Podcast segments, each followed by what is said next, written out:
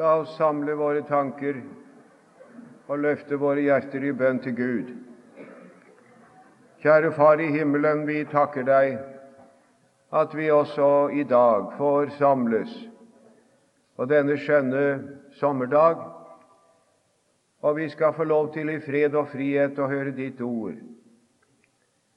Vil du nå, Herre, selv stelle med våre hjerter, så vi kunne ha det åpent at det fikk være stille der inne, sånn at Din Hellige Ånd kunne arbeide med dine sannheter i vårt ord. Herre Jesus, vi takker deg for alt hva du har gjort for oss, og vi takker deg for at det budskap ennå lyder om frelse av nåde ved tro, for det blods skyld som brant på korsets tre. Og vi takker deg for gårsdagen hvor vi fikk lov til å samles, og hvor vi fikk høre ditt ord. Vi ber at dette også må bli en god dag for oss, at ordet kunne virke omvendelse, Herre, og klarhet og lys i evangeliets nåde, til styrke og til frimodighet og la oss også denne stund hvor vi nå skulle samles om så stort et emne, gi det lys og den kraft som ditt ord kan gi ved din Hellige Ånd. I Jesu navn. Amen.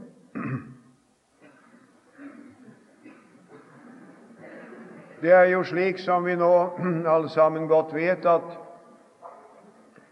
vi har et uh, felles tema for dette møtet, og det er friheten i Kristus. Virkelig fri.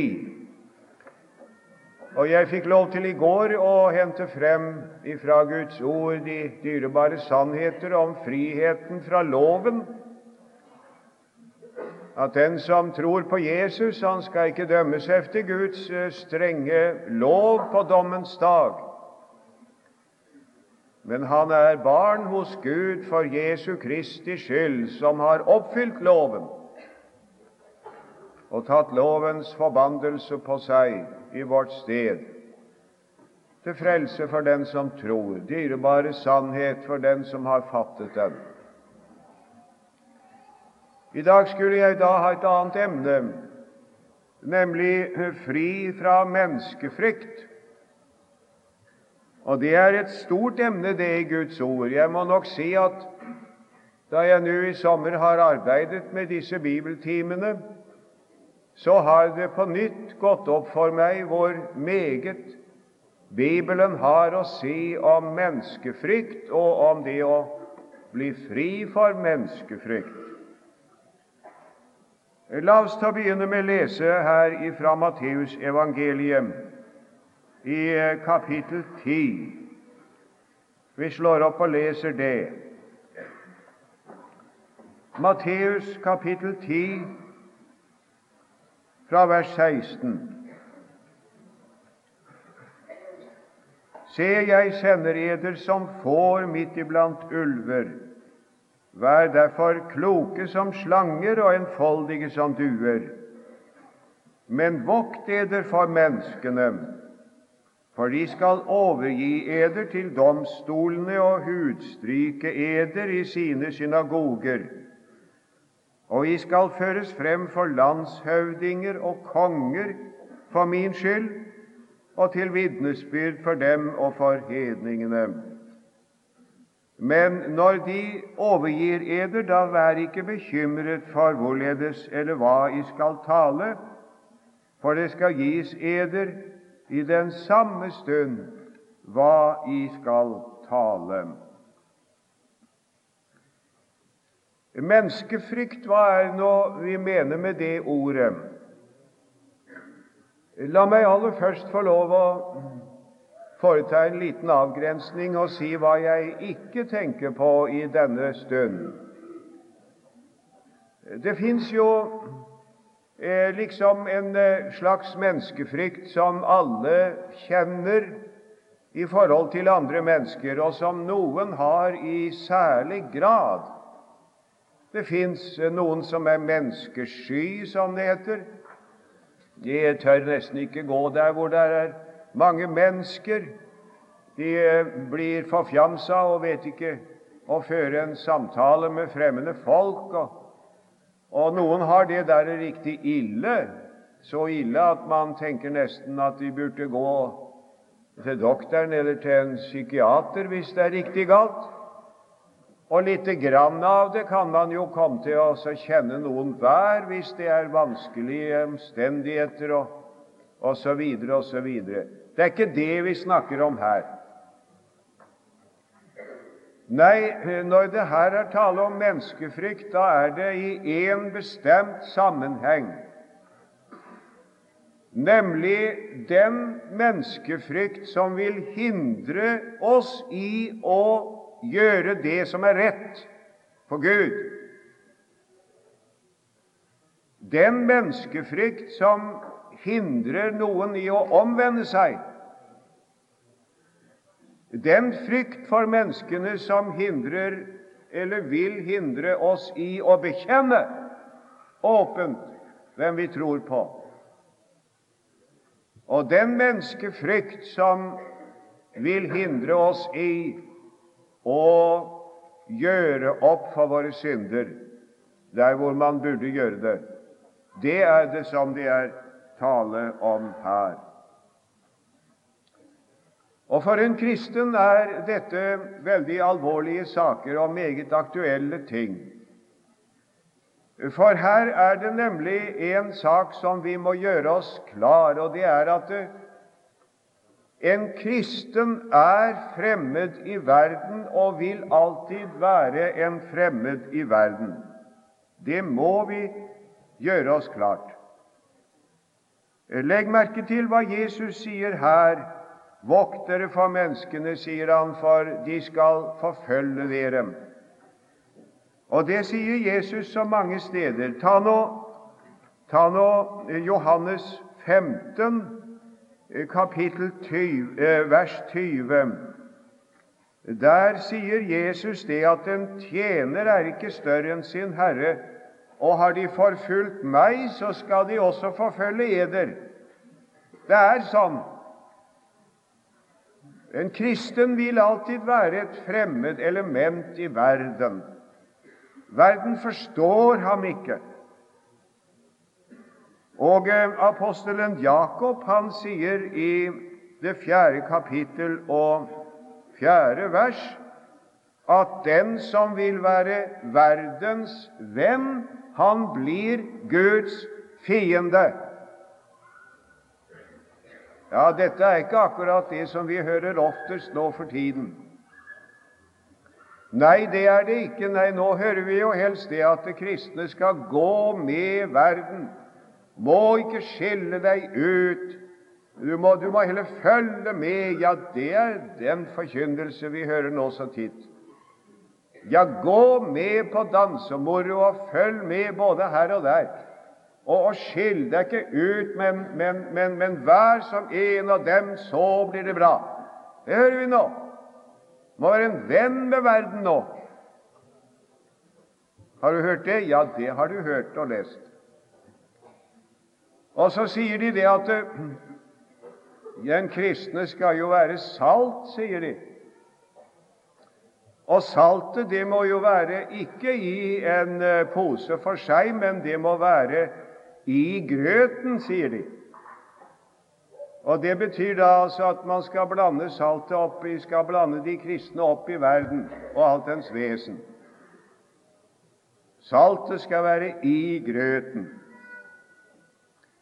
Ja, ja, det er naturligvis ganske sant når det gjelder grøt. Da stemmer det. Men det er ikke poenget når vår Herre Jesus snakker om salt. For da er poenget det at saltet er annerledes og har en kraft i seg. De troende Guds barn skal påvirke verden ikke ved å være lik verden, men ved å være annerledes. Sånn var det i den eldste tid, da kristendommen stod som tre med sterkest rot og frukt som purpur og som sne. Da var de ikke så lik verden som mulig, men de var forskjellige fra verden. Og det var det som ga dem deres kraft. Men da blir man ikke populær. Og da gjelder dette den som vil være verdens venn, han blir Guds fiende. Og Når det er situasjonen, så går det jo gjerne sånn da at den som står på valg og, og kjenner samvittighetens dragelse og dom og, og, skjønner det at det riktige nå, det var å omvende seg Å, han kan bli så full av menneskefrykt. Nei, å, nei, det der det blir for mye. Jeg orker ikke.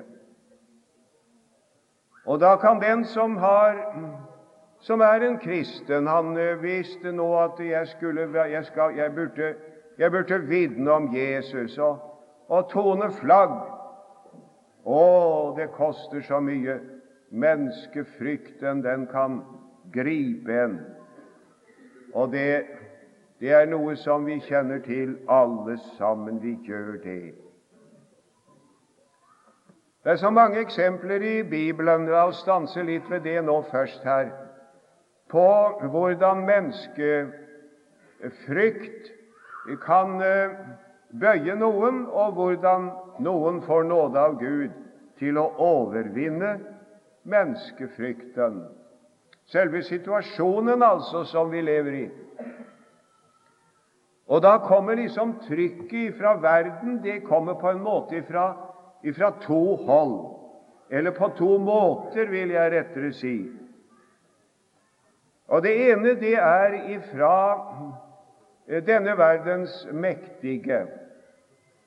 Det kan være konger og landshøvdinger, som det sto her. Det er autoritetene, det er staten, det er partiet, det er og det er noe som de gamle kristne fikk kjenne i den eldste tid, og som de kjenner i dag.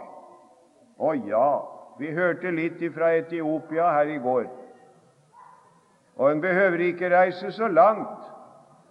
Så koster det noe, fordi at de som har makt og myndighet, de vil ikke like dem som er kristne og bekjenner troen på Jesus. Og i Daniel, hos Daniel der har vi kapittel 3. Der står det at de skulle tilbede et gudebilde, alle sammen. Et bilde av gull, av kongen, og, og alle sammen skulle kaste seg ned og tilbede det. Og så var det tre mann som ikke gjorde det. Da skulle en kanskje tenke en sånn en liten minoritet, kan ikke de få lov til å være i fred ved å stelle med sitt? Nei, nei, nei, nei, nei. Nei, denne totalitære politiske makt er så voldsom at den forlanger alle skal bøye seg. Det er ikke nok at man er lydig mot statens lover, men man skal tro sånn som den politiske ideologi tror.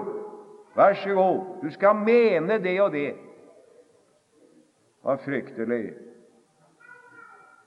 Vokt dere for menneskene, sier Jesus, og ja, da, da blir man stillet på prøve.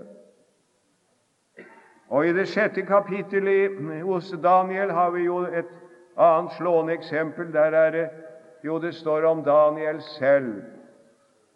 Han, eh, han eh, hørte han som alle andre dette bud om at en skulle ikke tilbede noe annet enn kongen.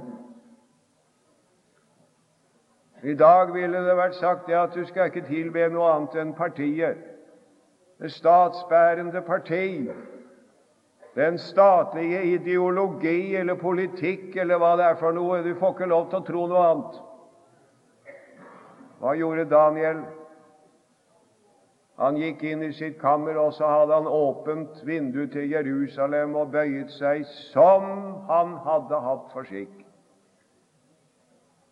Det kostet ham en tur i løvehulen, men uh, Herren var med ham. Og ja, dette presset altså ifra, ifra verslige makthavere Vi er ikke så helt fri her i landet heller.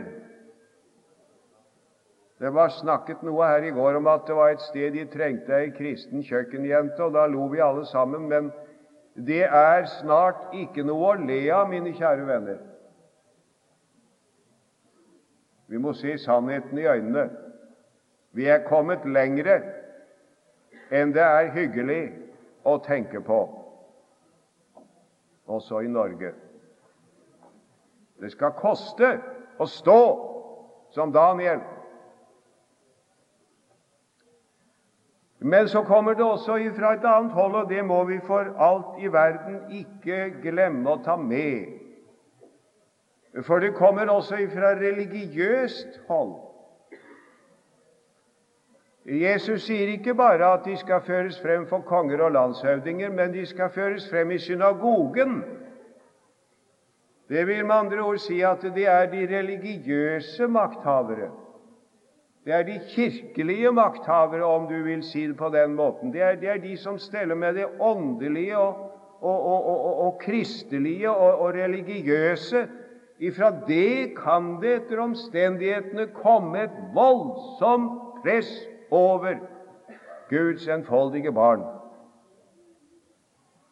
Det har vi nok av eksempler på i Bibelen. Ta nå eksempel i Johannes kapittel 9, eh, der hvor eh, vi leser at Jesus helbredet en som var født blind.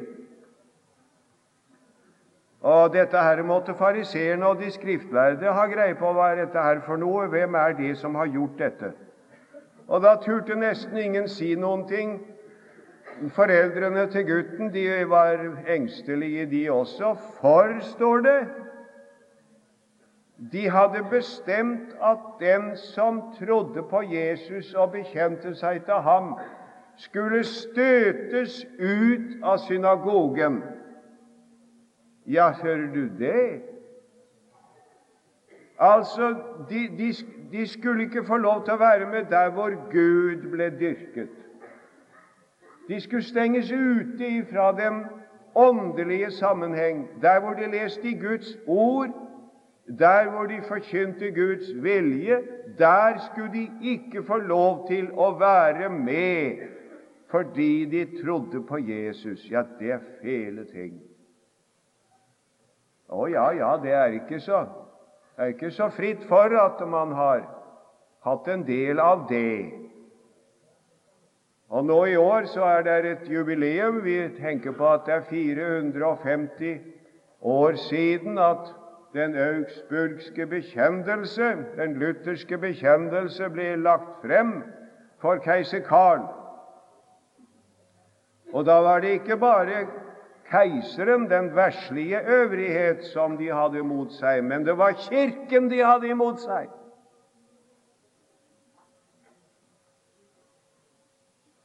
Og Vi kan jo tenke på Luther da han sto i Worms.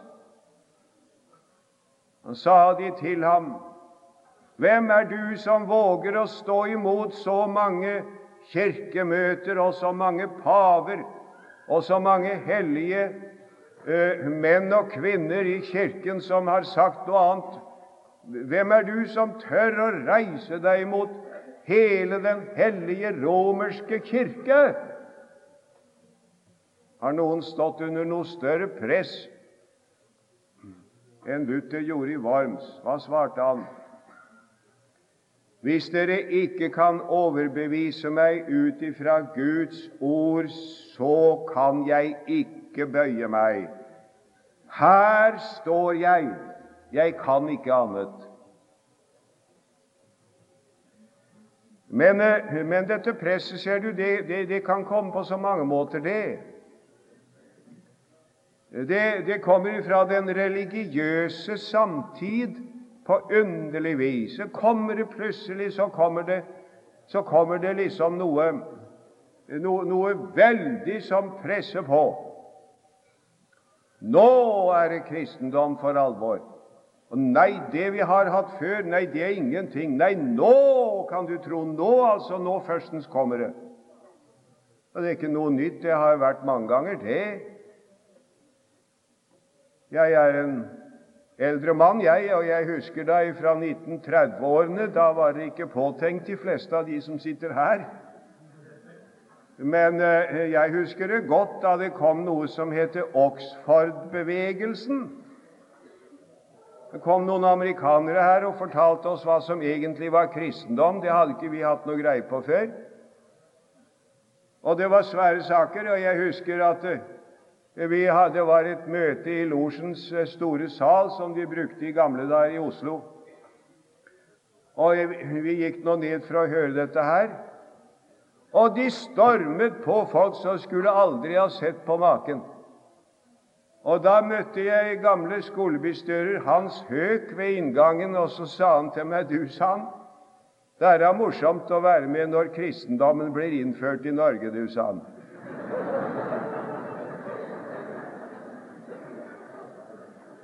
Å ja, men den fornemmelsen har vi kunnet ha siden og det. Nei, nå, ser du, nå kommer det, ser du. Det. Og den som ikke er med da, ja, han får jo høre det at han er dømmesyk, og han er forstokket, og at vite om han ikke går med hemmelige synder og, og Nei, nå må du jammen bøye deg!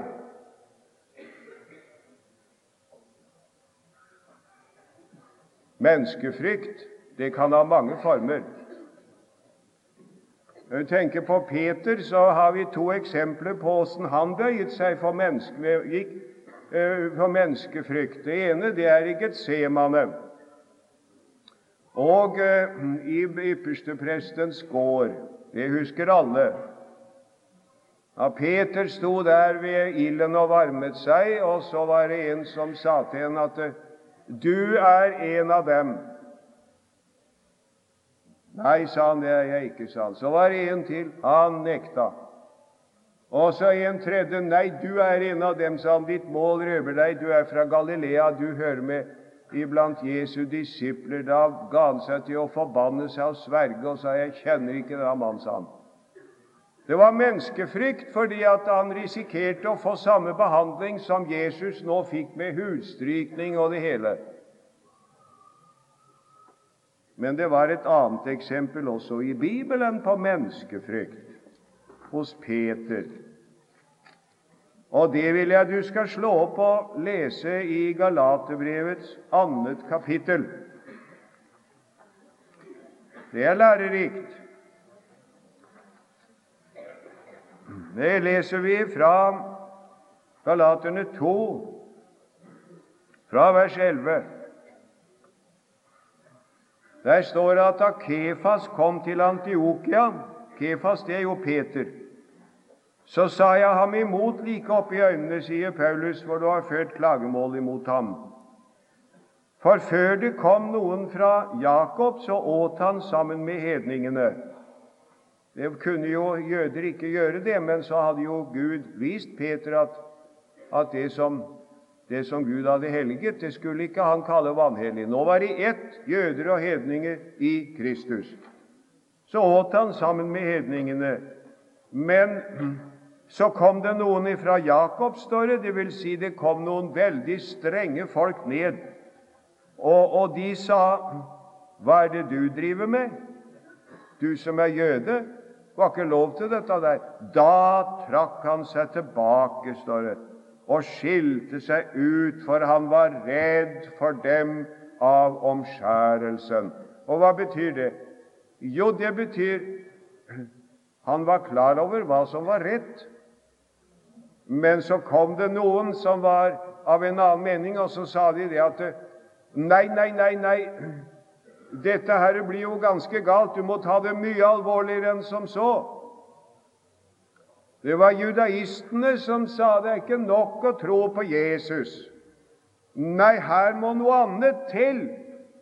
De må omskjæres, de må holde loven, de må, de må vise alvor. Det må bli på en helt annen måte. Å, det er altfor lite, det der bare med å, å tro på Jesus og, og bli frelst av nåde. Her skal mer til, ja.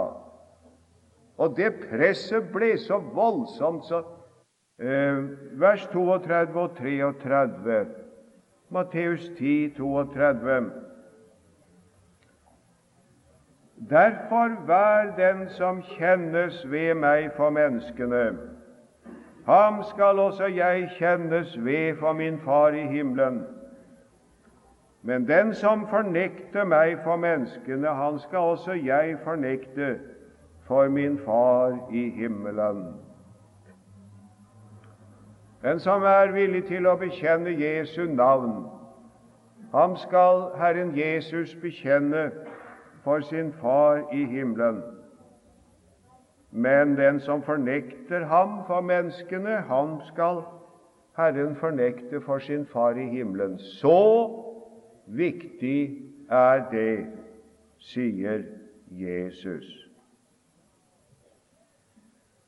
Og Da blir det jo spørsmålet hvordan skal vi, hvordan skal vi kunne komme vi, hvordan skal vi kunne overvinne menneskefrykten og bli fri for menneskefrykten. Hvordan skal man kunne det?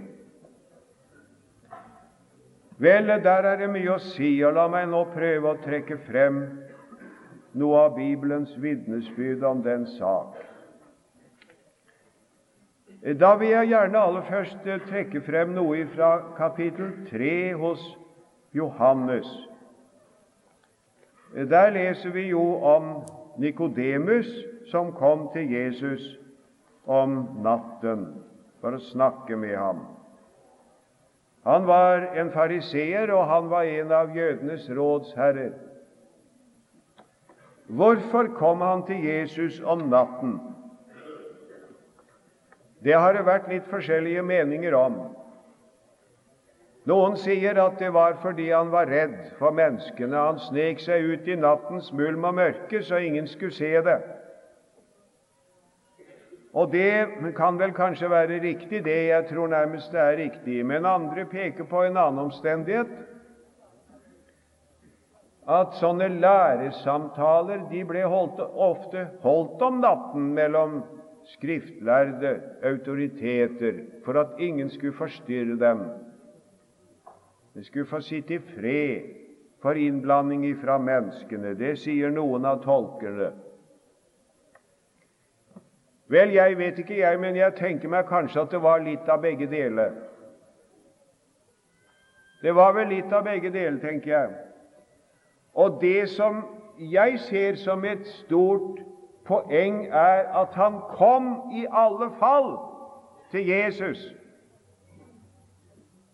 med sin frykt og med sin trang efter å få klarhet i sin frelsessak. Han kom til Jesus. Og det vil jeg gjerne si at hvis du Og det er ingen som er fri helt for menneskefrykt. Når du kjenner på det, så skal du gå til Jesus med det, for det er den eneste redning som fins. Må aldri tro at du skal kunne greie det på den måten at du sier 'Det skal jeg klare'. Ta meg sammen. Og så, og så, og så blir riktig heltemodig. Hå! skulle jeg skulle jeg være redd for noen ting, jeg som er så modig? Nei, det duer ikke det, min kjære venn. Du får gå sånn som du er, med din menneskefrykt, til Jesus og snakke ut med ham. Det finnes ikke noen annen måte å ordne den saken på. Og Da ser vi også at denne Nikodemus, som eh, vel kjente menneskefrykten Jeg har en liten bok hjemme av den store pietisten han, August Herman Franke. Den boken heter 'Nikodemus', eller menneskefrykten. En bok om menneskefrykt, og den kaller han for Nikodemus. All right. Han gikk til Jesus med dette, og hvordan gikk det? Han fikk nok hjelp der. For se hva det står i kapittel 7 hos Johannes, vers 51. Der blir vi ført inn i Det høye råd, hvor de legger opp råd om hva de skal gjøre med Jesus. Og de kommer ganske i hårene på hverandre, for de vet ikke sin nærme råd. uh, hva de skal gjøre med dette her. Og uh, denne hop som ikke kjenner loven, den er forbannet, sier de. De er så sinte så det ryker. Og Da står det at Nikodemus, som var kommet til ham, han sier til dem, Vår lov dømmer da vel ikke noen uten at de først har hørt ham og fått vite hva han har gjort? Ja, men det var ikke dårlig, det. Der står denne mannen som var redd for å komme på lyse dagen. Her står han midt i ulveflokken og legger inn et ord for Jesus. Jeg syns det er fint. Og Videre så står det jo i Johannes evangeliet, helt på slutten, i 1939, så står det det at da Jesus skulle tas ned ifra korset, hvem er det som kommer da? Det er Josef av Arimathea, og så er det Nikodemus. Nå kaster han alle broer. Nå vil han bekjenne Jesu navn. Han eh, er vel ikke ferdig med menneskefrykten. Hvem blir egentlig det? Men han står frem allikevel. Det er én en eneste ting som kan jage menneskefrykten ut, og vet du hva det er? Det er frykt for Gud. Det leser vi om hos Lukas i kapittel 12, vers 4 og 5. Les det. Der sier Jesus, men jeg sier til dere, mine venner, frykt ikke for dem som slår legemet i hjel og deretter ikke kan gjøre mer, men jeg vil vise dere hvem dere skal frykte for. Frykt for ham som har makt både til å slå i hjel og til deretter å kaste i helvete. Ja, sier jeg eder, for ham skal jeg frykte. Menneskefrykt den helbredes ved Guds frykt og ved ingen annen medisin. Og Guds frykt det er den som bor i det hjertet som er frelst av nåde ved tro for Jesus skyld. Du skal gjøre med menneskefrykten som i alle dine andre synder, for det er et uttrykk for utslag av kjødet og en synd og hva du skal gjøre med det som i alle andre synder. Du skal bekjenne det for Jesus og få tilgivelse. Du skal ikke tenke du skal komme til Han altså omtrent som du har tom bensintank, og så skal du få, få en påfylling, så skal du liksom få kraft igjen. Hele den tankegangen der er så spinn gal.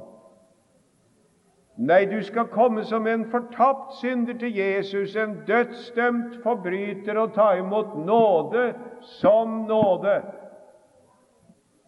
og så bli frelst av nåde for det blods skyld som rant på korset. Det er jo ingenting i deg selv, men du har alltid Jesus.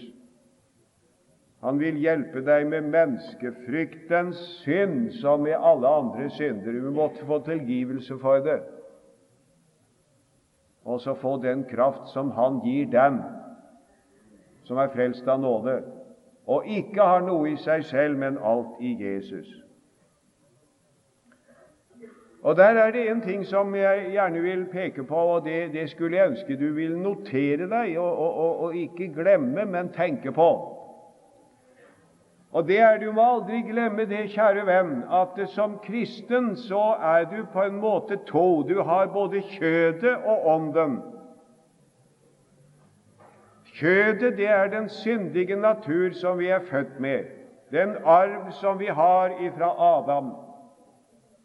Den onde natur som, som, som er der, og som en kristen han Vel, kjødet er, er korsfestet, det er overgitt til døden.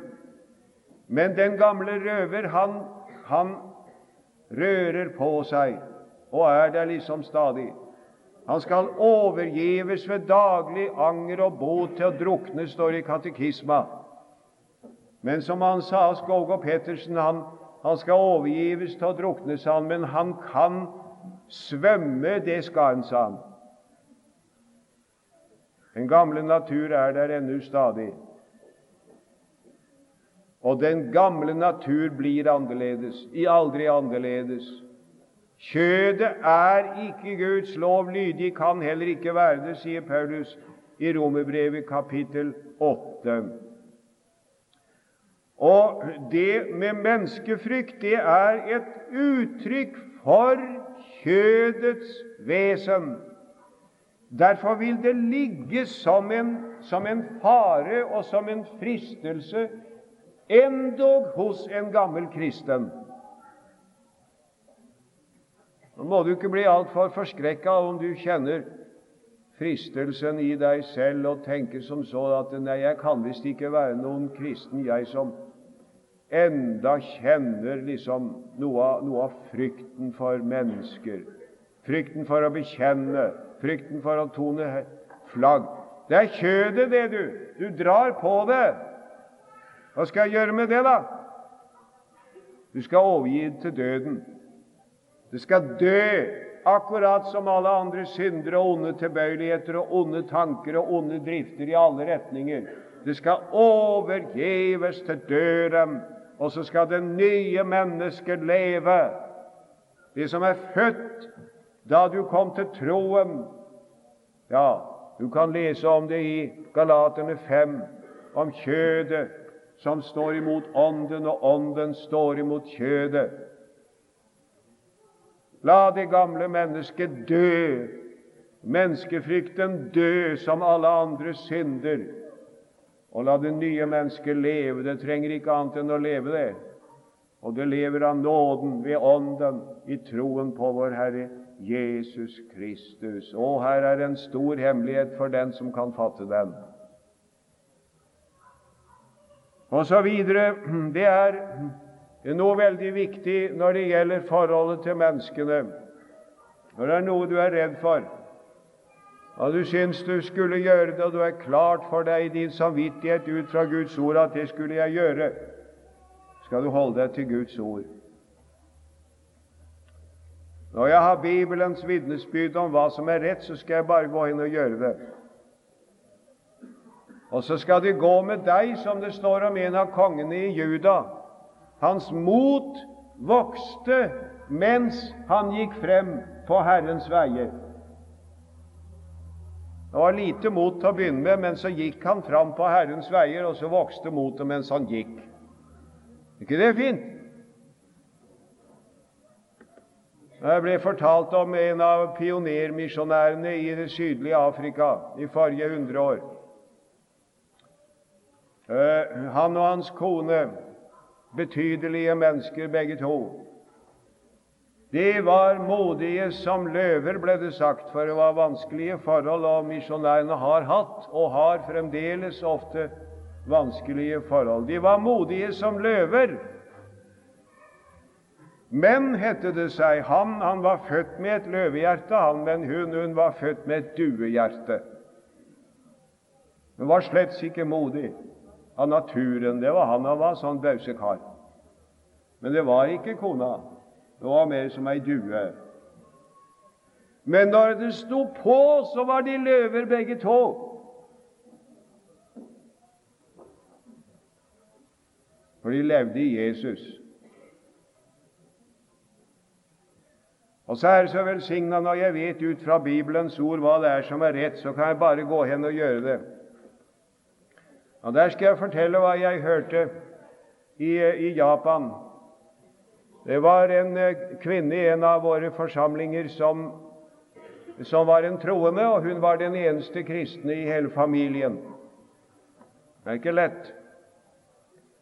Og så kom det da svigerfaderen han sa det at eh, ved den og den nyttårsfest, eller hva det var for noe, så skulle hun eh, ordne med fedrealteret, som de har i alle huser, tenker jeg, og så utføre disse seremoniene som de gjør foran fedrealteret.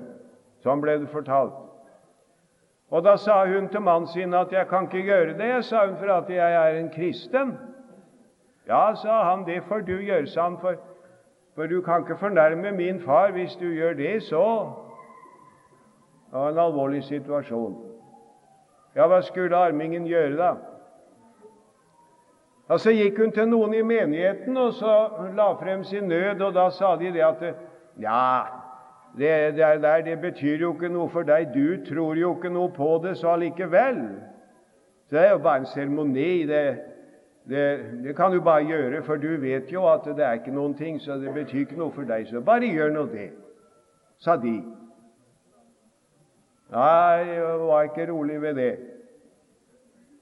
Og Så gikk hun til pastoren da og klaget sin nød for han. Og, og pastoren han uh, visste jo det at dette her har de diskutert i lange baner i, i Japan, og han sa ja, det er et vanskelig spørsmål, det sa han. Det er sånn som teologene svarer det samtidig, vet du.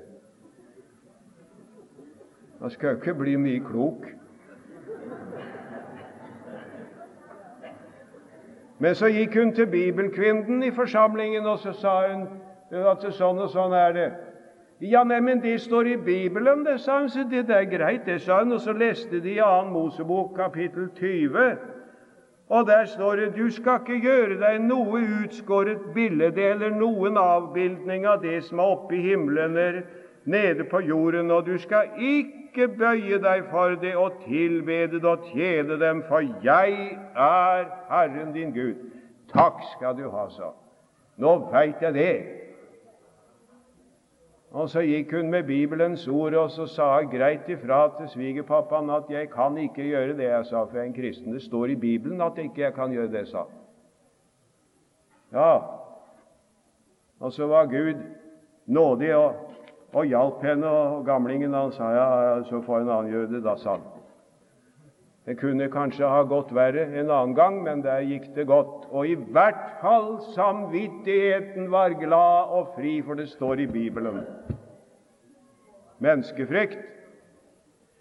Menneskefrykt før i snare, står det i Ordspråkenes bok 29, 25.